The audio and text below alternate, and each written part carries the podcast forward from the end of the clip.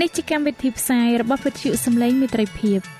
វិទ្យុសំឡេងមេត្រីភាពសូមស្វាគមន៍អស់លោកអ្នកស្ដាប់ទាំងអស់ជាទីមេត្រីនាងខ្ញុំសេកសុចិន្តាវតីហើយខ្ញុំបាទអង្ចាន់វិជ្ជៈក៏សូមស្វាគមន៍លោកអ្នកស្ដាប់ទាំងអស់ផងដែរនៅពេលនេះយើងខ្ញុំមានសេចក្តីសុំមនស្សរីករាយដោយបានវិលមកជួបអស់លោកអ្នកនាងកញ្ញាអ្នកស្ដាប់សាជាថ្មីម្ដងទៀត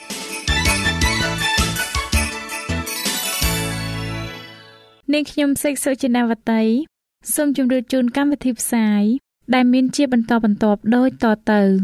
នេតិបទទំនាយនិងប្រវត្តិសាស្ត្រនេតិស្ថាបនាកម្ពុជាឲ្យប្រសើរចា៎លោកអ្នកស្ដាប់ជាទីមេត្រី នាងខ្ញុំសូមគោរពអញ្ជើញអស់លោកលោកស្រី អ្នកនាងកញ្ញាតាមដានស្ដាប់កម្មវិធីផ្សាយរបស់វិទ្យុយើងខ្ញុំដូចតទៅ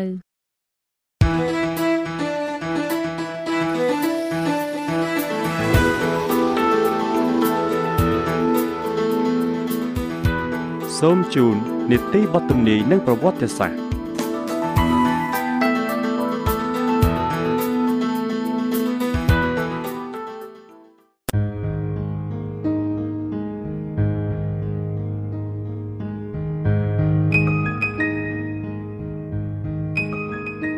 អស់លោកលោកស្រីនិងប្រិយមិត្តអ្នកស្ដាប់ជាទីមេត្រីខ្ញុំបាទសូមជម្រាបសួរសូមឲ្យអស់លោកអ្នកបានប្រកបដោយព្រះពរនិងព្រះគុណ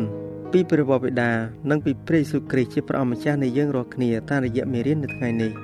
បាទកាលវិភាគមុនលោកអ្នកបានស្ដាប់ពីលោក Tyndale ដែលបានបកប្រែព្រះគម្ពីរសញ្ញាថ្មីជាភាសាអង់គ្លេសហើយលោកអ្នកក៏បានស្ដាប់ពីលោក John Knox ផងដែរហើយនៅភាគទី3ជាភាគបញ្ចប់នៅថ្ងៃនេះវិញអស់លោកអ្នកនឹងបានស្ដាប់អំពី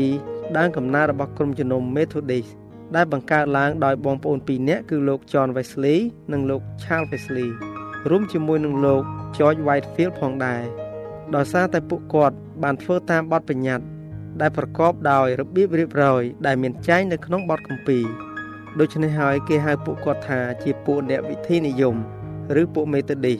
ដូច្នេះក្រុមជំនុំមេតូឌីសក៏បានកើតតាំងពីពេលនោះរហូតមកដល់សប្តាហ៍នេះអស់លោកអ្នកស្ដាប់ជាទីមេត្រី មេតូឌីសមកពីពាក្យថា method ដែលប្រែថារបៀបវិធី វិធីសាស្ត្រក្នុងការធ្វើអ្វីមួយមានលក្ខណៈជាប្រព័ន្ធ បាទនៅក្នុងដំណើរត្រឡប់មកកាន់ប្រទេសអង់គ្លេសវិញលោក John Wesley បានយល់យ៉ាងច្បាស់ថែមទៀតអំពីសេចក្តីជំនឿដែលមានចែងនៅក្នុងព្រះគម្ពីរ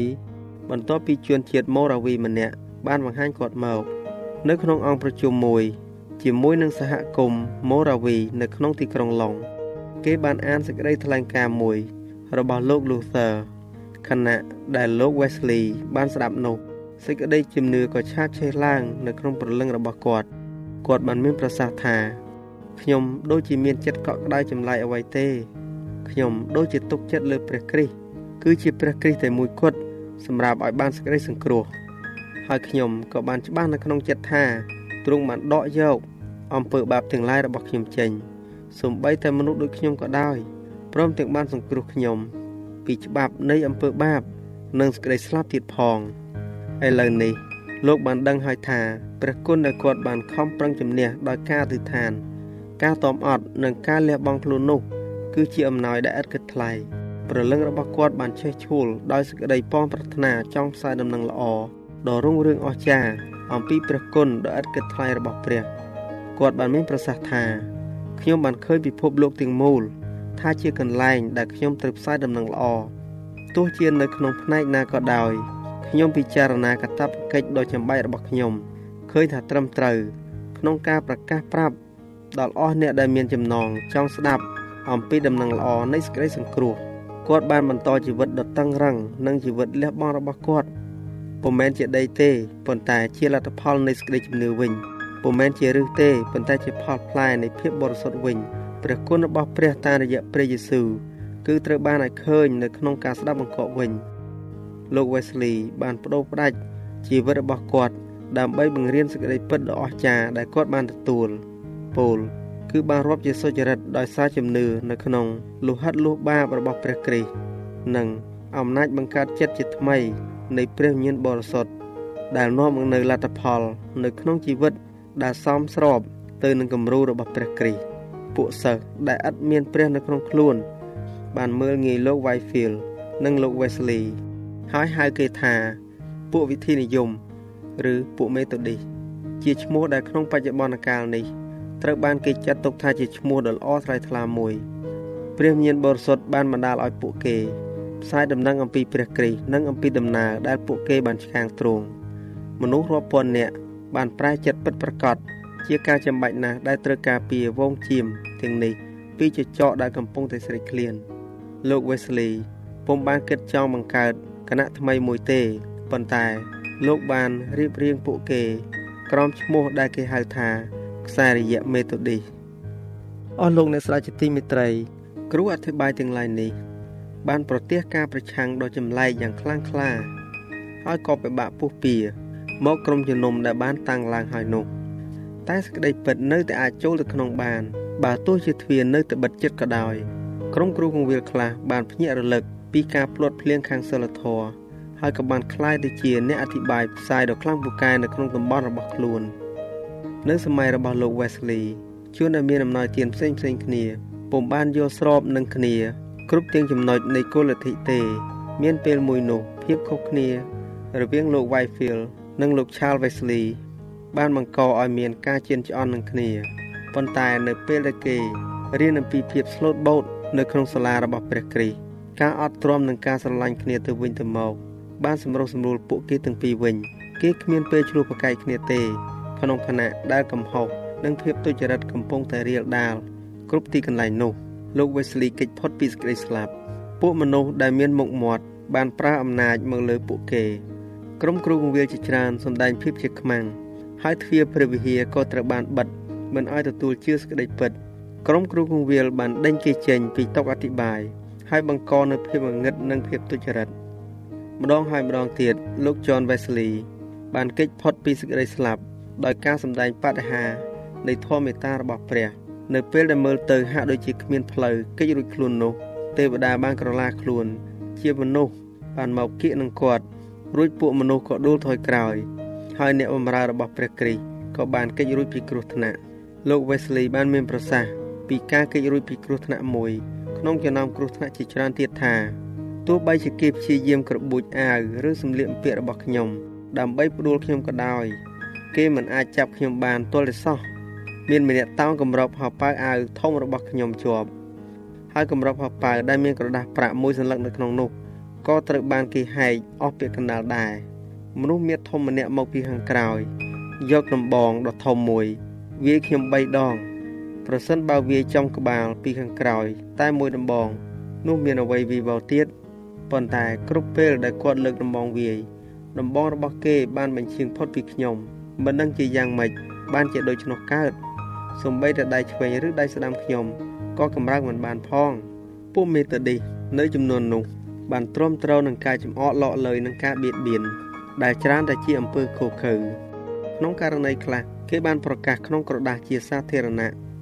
ហៅអ្នកដែលចង់បំបីបង្អួចនិងប្លន់ផ្ទះពួកមេតឌីសឲ្យមកជួបជុំនៅកន្លែងមួយតាមពេលកំណត់ ការបៀតបៀនមានលក្ខណៈជាប្រព័ន្ធរៀបរយត្រូវបានអនុវត្តឡើងដើម្បីប្រឆាំងនឹងមនុស្សដែលមានកំហុសក្នុងការជួយអ្នកមានបាបទៅរកផ្លូវបរិសុទ្ធប៉ុណ្ណោះការអន់ថយខាងព្រលឹងវិញ្ញាណនៅក្នុងប្រទេសអង់គ្លេសមុនសម័យលោក Wesley បន្តិចនោះគឺជាលទ្ធផលនៃការបង្រៀនថាព្រះគ្រីស្ទបានបំបត្តិចោលក្រឹតវិន័យខាងសិលធម៌ហើយ គឺក្រឹតវិន័យ10ប្រការ ហើយថាគ្រីស្ទៀនគ្មានកាតព្វកិច្ចនិងគោរពតាមទៀតទេ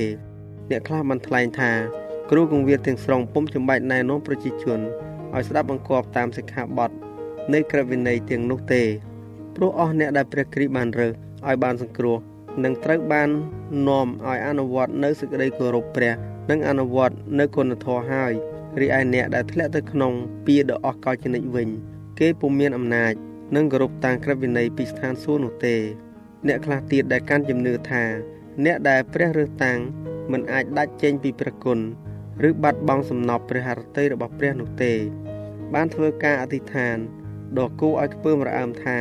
ការដែលគេប្រព្រឹត្តអំពើទុច្ចរិតគឺមិនមែនជាបាបពិតមែនទេ បានជាគេគ្មានឱកាសនិងសារភាពថា ខ្លួនមានបាប ឬលះបង់ចោលដោយការលន់តួប្រែចិត្តនោះឡើយម្ល៉េះហើយគេក៏ថ្លែងថា ប្រសិនបើអ្នករើសតាំងណាមួយ ប្រព្រឹត្តអំពើបាបដ៏អប្រិយបំផុត ដែលមនុស្សក្នុងលោកគិតថាជាការរំលងក្រឹតវិន័យពីស្ថានសួគ៌យ៉ាងខ្លាំងនោះគឺមិនមែនជាអំពើបាបទេនៅចំពោះព្រះភ័ក្ត្ររបស់ព្រះ គេមិនអាចធ្វើអ្វី ដែលពុំសពហរតីដល់ព្រះ ឬដែលហាម5ដោយក្រឹតវិន័យឡើយ ការដែលគោលលទ្ធិនៃក្រិតក្រមរបស់ព្រះមិនអាចកែប្រែដើម្បីតម្រូវចរិតរបស់មនុស្សបាន បាននាំឲ្យមនុស្សភាគច្រើនបដិសេធក្រឹតវិន័យរបស់ព្រះ លោក Wesley បានជំទាស់នឹងលទ្ធិនេះដែលបណ្ដាលឲ្យមានលទ្ធិរួចពីក្រឹតវិន័យដោយពឹងទៅលើព្រះគុណព្រះគុណនៃព្រះដែលនាំសេចក្តីសង្គ្រោះដល់មនុស្សទាំងឡាយបានលេចមកហើយព្រះដ៏ជាព្រះអង្គសង្គ្រោះនៃយើងទ្រង់សពហរតីឲ្យមនុស្សទាំងអស់បានសង្គ្រោះហើយឲ្យបានស្គាល់សេចក្តីពិតពីព្រោះមានព្រះតែមួយអង្គហើយមានអ្នកសម្រុះសម្រួលតែមួយនៅកណ្ដាលព្រះនិងមនុស្សគឺជាមនុស្សដ៏ជាព្រះយេស៊ូវគ្រីស្ទនោះទ្រង់បានថ្វាយព្រះអង្គទ្រង់ ទុកជាថ្លៃលួសមនុស្សទាំងអស់រីឯព្រះយេស៊ូវជាពន្លឺដ៏ពិត ដែលបំភ្លឺដល់មនុស្សទាំងអស់ដែលកើតមកក្នុងលោកីព្រះគម្ពីរទីតូសជំពូកទី2ខ11ព្រះគម្ពីរធីម៉ូថេទី1ជំពូកទី2ខ3ដល់ខ6ព្រះគម្ពីរយ៉ូហានជំពូកទី1ខ9មនុស្សបាត់បង់សេចក្តីសង្គ្រោះដោយសារការបដិសេធអំណាចនៃជីវិតអស់លោកអ្នកស្ដាប់ជាទីមេត្រីក្នុងការឆ្លើយតបទៅនឹងសេចក្តីអះអាងដែលថា នៅពេលដែលព្រះគ្រីស្ទសោយទីបង្គាប់ទៅបញ្ញត្តិទាំង10ប្រការត្រូវបានលុបចោលជាមួយនឹងបញ្ញត្តិខាងឯវិធីផ្សេងផ្សេងនោះលោក Wesley បានពោលថាក្រឹតវិន័យខាងសិលធម៌ដែលមាននៅក្នុងក្រឹតវិន័យ10ប្រការហើយត្រូវពួកហោរាដាក់ឲ្យប្រព្រឹត្តតាមនោះគឺទ្រង់ពុំបានដកចេញទេនេះគឺជាក្រឹតវិន័យដែលមិនត្រូវបាក់បែកដែលតាំងឲ្យនៅជាទីបន្ទាល់ដ៏ស្មោះត្រង់នៅស្ថានសួគ៌លោក Wesley បានថ្លែង នៅភាពឥតខ្ចោះនៃក្រឹតវិន័យ និងដំណឹងល្អតែម្ដងយ៉ាងណាមិញក្រឹតវិន័យបើកផ្លូវជានិច្ចនិងតម្រង់យើងទៅរកដំណឹងល្អរីឯដំណឹងល្អដែលតែងនាំយើងឲ្យធ្វើតាមក្រឹតវិន័យឲ្យបានត្រឹមត្រូវថែមទៀតជាដរាបគឺថាក្រឹតវិន័យតម្រូវឲ្យយើងស្រឡាញ់ព្រះស្រឡាញ់អ្នកជិតខាងយើងឲ្យយើងស្លូតបូតបន្ទាបខ្លួន និងឲ្យបរិសុទ្ធទៀតផង យើងមានអារម្មណ៍ថា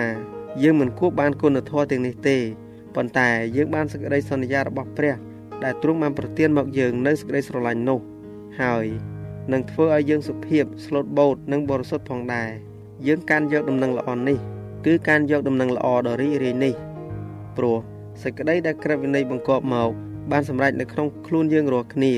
ដោយជំនឿនៅក្នុងព្រះគ្រីស្ទយេស៊ូវលោក Wesley បានមានប្រសាសន៍ថាក្នុងស័កយុគពួងខ្ពស់នៃសត្រូវនៃដំណឹងល្អរបស់ព្រះគ្រីស្ទគឺមនុស្សដែលបង្រៀនមនុស្សឲ្យបំពេញមិនមែន បំពេញប្រការតែមួយប៉ុណ្ណោះទេទោះបីតូចឬធំក្តី គឺឲ្យបំពេញអស់ទាំងបញ្ញត្តិតែម្ដង ពួកគេគោរពទ្រង់ដូចជាយូដាសដែរនៅពេលដែលគាត់មានប្រសាសន៍ថាជំរាបសួរលោកគ្រូរួចក៏ថើបទ្រង់គឺគ្មានហួសពីការក្បត់ទ្រង់ដោយការថើបនោះទេ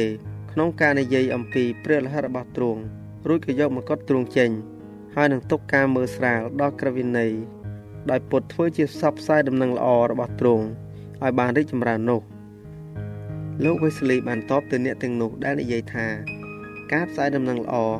គឺឆ្លើយដោះស្រាយអស់ទាំងទីបញ្ចប់នៃក្រឹតវិន័យដូច្នេះថាការផ្សាយនោះមិនឆ្លើយដោះស្រាយទីបញ្ចប់ទី1នៃក្រឹតវិន័យផងពលគឺការបញ្យល់ប្រាប់មនុស្សឲ្យដឹងច្បាស់ថាខ្លួនមានបាប ការដាស់រំលឹកអ្នកដែលនៅលងលក់លើច្រាំងនៃស្ថាននរកនៅឡើយនោះជាដើមម្ល៉េះហើយបានជាការចំអកមួយដែលបញ្ជូនគ្រូពេទ្យ ទៅពួកមនុស្សដែលជា ឬដែលគេស្មានថាខ្លួនគេជានោះជាដំបងត្រូវធ្វើឲ្យគេជឿថាគេមានជំងឺពុំនោះទេ គេនឹងមិនអរគុណចំពោះការព្យាបាលឡើយក៏ជាការចំអកផងដែរដែលប្រាប់ពីព្រះគ្រីស្ទទៅដល់ពួកមានចិត្តជា ដែលមិនមែនមានចិត្តតិចខ្ទាំនោះនៅក្នុងខណៈដែលយើងកំពុងតែអធិប្បាយអំពីដំណឹងល្អនៃព្រះគុណរបស់ព្រះលោក Wesley បានស្វាស្វែងនិងលើកដំកើងក្រឹតវិន័យ ហើយឲ្យមានកិត្តិស័ព្ទដូចជាព្រះបរមគ្រូរបស់គាត់ដែរលទ្ធផលដែលព្រះអនុញ្ញាតឲ្យគាត់បានឃើញនោះគឺល្អប្រពៃណាស់អស់រយៈពេលជាច្រើនឆ្នាំដែលគាត់បានចំណាយពេលធ្វើការបម្រើព្រះនោះអ្នកដែលដើរតាមគាត់មានចំនួនដល់ទៅកន្លះលានអ្នកប៉ុន្តែពួកមនុស្សដែលបានងាកចេញពីសេចក្តីថោកទាបនៃអំពើបាបឈានឆ្ពោះទៅរកជីវិតដ៏ថ្លៃថ្នូរនិងភាពបរិសុទ្ធជាង ដោយសារតែពាក្យលិការបស់គាត់ គឺមិនអាចដឹងបានទេ លុះដល់ក្រុមគ្រួសារទាំងអស់នៃពួកអ្នកដែលបានសង្គ្រោះជួបជុំគ្នានៅក្នុងព្រះរាជាណាចក្ររបស់ព្រះជីវិតរបស់គាត់បានបង្ហាញមេរៀនដែលកាត់ថ្លៃពុំបាន សម្រាប់ជួនគ្រីស្ទៀនគ្រប់រូបជាការប្រសើរណាស់ណបើមានឃើញជំនឿឃើញមានការប្រឹងប្រែងដ៏មិនចេះនឿយហត់ឃើញការលះបង់ខ្លួន និងការបដូរផ្ដាច់នៃអ្នកបម្រើរបស់ព្រះគ្រីស្ទនៅក្នុងព្រះវិហារនាពេលសប្តាហ៍នេះ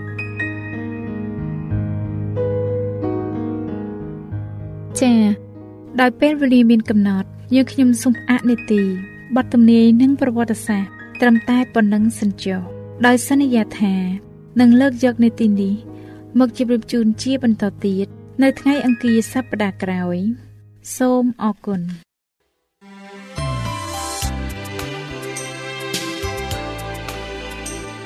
វិទ្យុសំឡេងមេត្រីភាព AWR ជាវិទ្យុដែលនាំមកពី ក្នុងការនាំព្រះរាជសាររបស់ព្រះជាម្ចាស់សម្រាប់លោកអ្នកច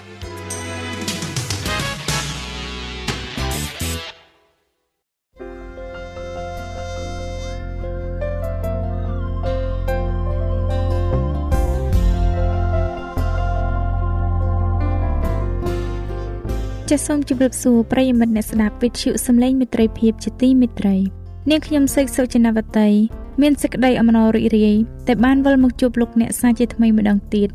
នៅក្នុងនេតិស្ថាបនាកម្ពុជាឲ្យប្រសើរនៅថ្ងៃនេះនាងខ្ញុំសូមលើកយកភាគទី3នៃមេរៀនទី7មានចំណងជើងថាអភូតហេតុនៅទន្លេខ្វាយប្រិយមិត្តអ្នកស្ដាប់ជាទីមេត្រី នាងខ្ញុំសូមគោរពអញ្ជើញលោកអ្នកតាមដានស្ដាប់ដោយចាប់ផ្ដើមពីការបើកសាកលវិទ្យាល័យមួយនៅក្នុងព្រៃដូចតទៅ នៅពេលដែលផ្លូវដែកបានសង់ចប់សពគ្រប់ហើយអ្នកទោសទាំងឡាយមានពេលទំនេរនោះគេបានដឹងថា គេស្រេកឃ្លានចំណេះវិជ្ជា ដើម្បីនឹងបំពេញសេចក្តីស្រេកឃ្លាននេះ គេបានរៀបចំបង្កើតសាកលវិទ្យាល័យមួយនៅក្នុងព្រៃអ្នកដែលមានចំណេះវិជ្ជាឬមុខជំនាញនឹងក្លាយជាគ្រូបង្រៀនដោយសារជំរំនោះសម្បូរទៅដោយអ្នកចេះដឹងច្រើន គេបានបើកថ្នាក់ដែលមានមុខវិជ្ជាទាំងឡាយដូចជា ប្រវត្តិសាស្ត្រ ភាសារុស្ស៊ីភាសាសំស្ក្រឹតគណិតសាស្ត្រនិងវិទ្យាសាស្ត្រគេសរសេរសិភៅអត្ថបទពីការចងចាំទៅលើក្រដាស់កំពេចកំប៉ុកគេបានប្រមូលសិភៅដែលគេមាន បង្កើតបានជាបណ្ណាល័យមួយ ពីមុន គេធ្លាប់ប្រើក្រដាស់សិភៅទាំងនោះ សម្រាប់មូបារីសរសេរលេង ឬសម្រាប់បង្គន់ប៉ុន្តែឥឡូវនេះគេស្គាល់នៅតម្លៃនៃសិភៅទាំងនោះដែលទុកសម្រាប់ជាការសិក្សាវិញ ពេលដែលវិញ្ញាណរបស់គេបានរស់ឡើងវិញ គេបានចាប់ផ្ដើមបង្កើតស្នាដៃដូចជា ធ្វើចម្លាក់ពីឈើម៉ៃសាក់គូគំនូរដោយប្រើធ្យូងថ្ម និងរុក្ខជាតិព្រៃភ្នំសម្រាប់ជាពណ៌ពួកអ្នកទោសទាំងនោះដកពុកចង្ការរបស់ខ្លួនធ្វើជាច្រាសគេគូររូបអ្នកជាប់សាច់ញាតិទូកក្តៅនិងមិត្តភ័ក្តិដែលជាប់គុកជាមួយគ្នារួចមកគេតាំងស្នាដៃរបស់គេទាំងនោះក្នុងខ្ទមមួយ ការតាំងនីមួយៗបានជំរុញលើកទឹកចិត្តឲ្យមនុស្សជាច្រើនទៀតប្រឹងប្រែងបង្កើតស្នាដៃល្អដែរថ្ងៃមួយមានកញ្ចប់ពីខាងកាកបាទក្រហមបានមកដល់ដែលមានវីយូឡុង6អ្នកដែលប៉ុនប្រសពខាងភ្លេង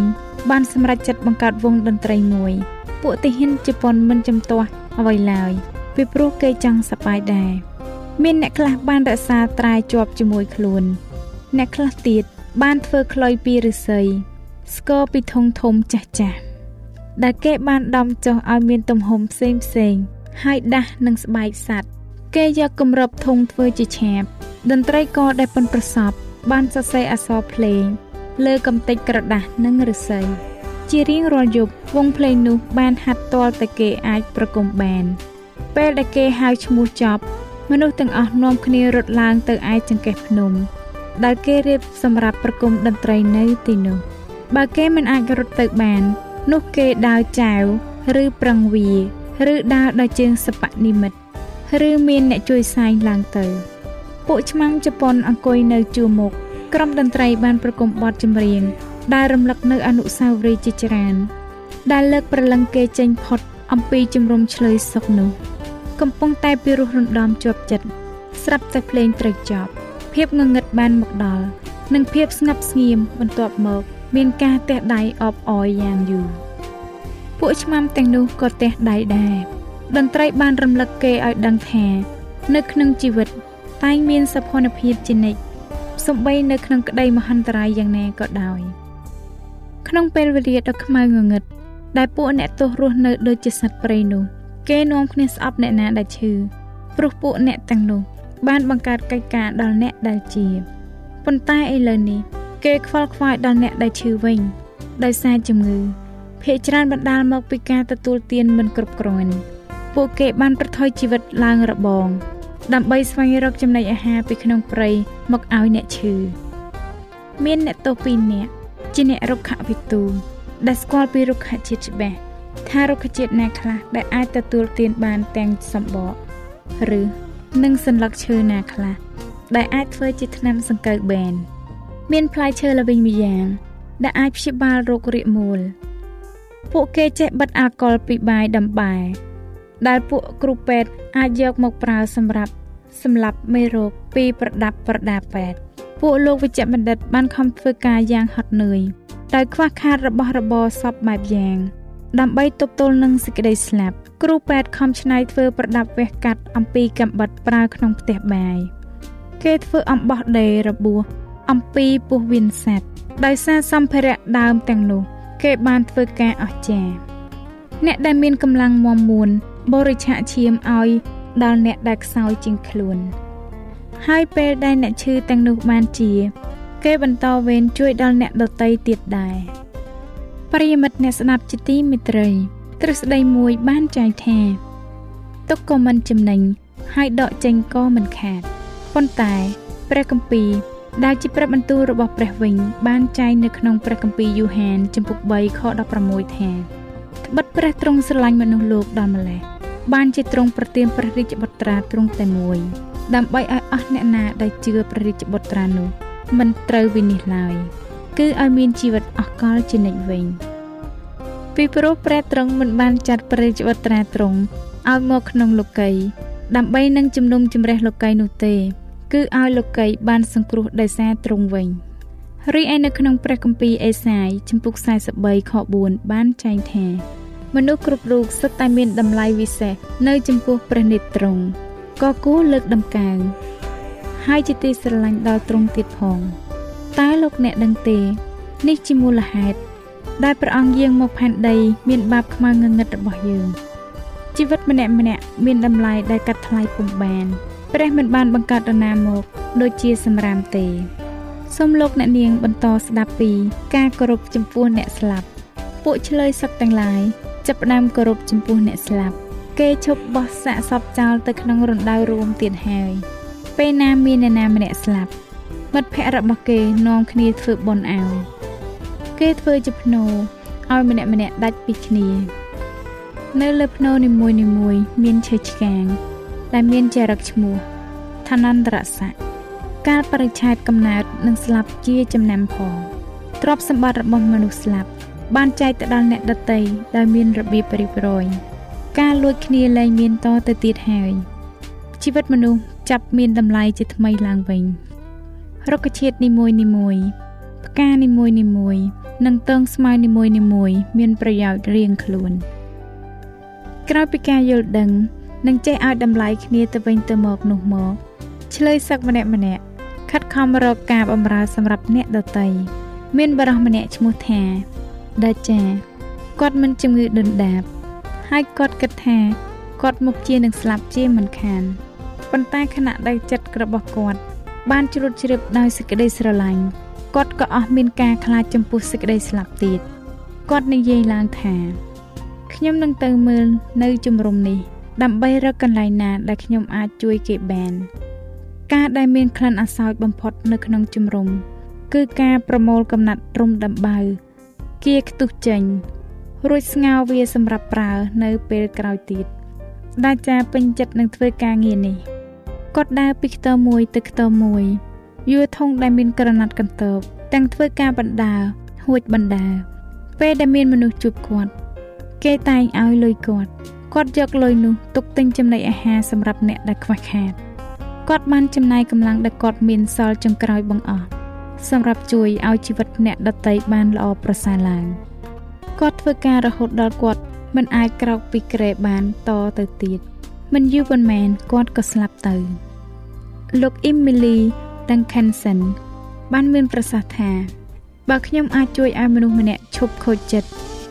ខ្ញុំនឹងមិនរស់នៅឥតអំពើទេ បើខ្ញុំអាចជួយមនុស្សម្នាក់ដែលមានការឈឺចាប់ឲ្យបានធូរស្បើយឬជួយសង្គ្រោះសត្វចាបមួយដែលធ្លាក់មកដីឲ្យបានវិលចូលសម្បុកវិញនោះខ្ញុំមិនមែនរស់នៅដែលអត់ប្រយោជន៍ឡើយចាស់អស់លោកលោកស្រីអ្នកនាងកញ្ញា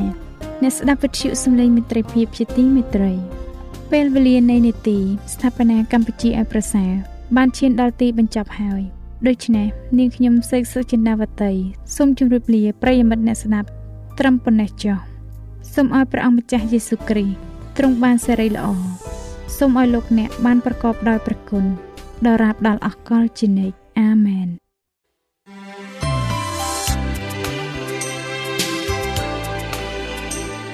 វិទ្យុសំឡេងមេត្រីភាព AWR មានផ្សាយពីរដងក្នុងមួយថ្ងៃគឺព្រឹកនៅម៉ោង6និងពេលយប់ នៅម៉ោង8បើ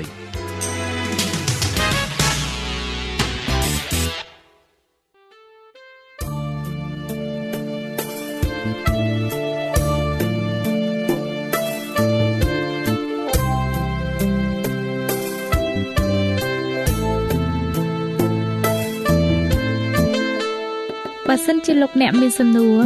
ឬសំណុំពរអ្វីសូមតាក់ទងមកការិយាល័យវិទ្យុយើងខ្ញុំ តាមអាស័យដ្ឋានផ្ទះលេខ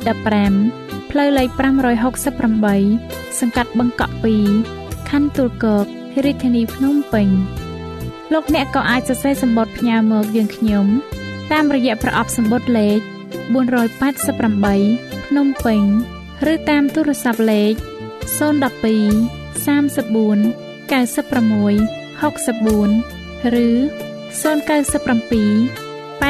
80 81 060ឬក៏តាមរយៈអ៊ីមែល vol@awr.org យើងខ្ញុំរងចាំទទួលស្វាគមន៍អស់លោកអ្នកនាងដោយក្តីសោមនស្សរីករាយហើយលោកអ្នកក៏អាចស្ដាប់កម្មវិធីនេះឡើងវិញដោយចូលទៅកាន់ website របស់វិទ្យុយើងខ្ញុំតាមរយៈអាស័យដ្ឋាន www.awr.org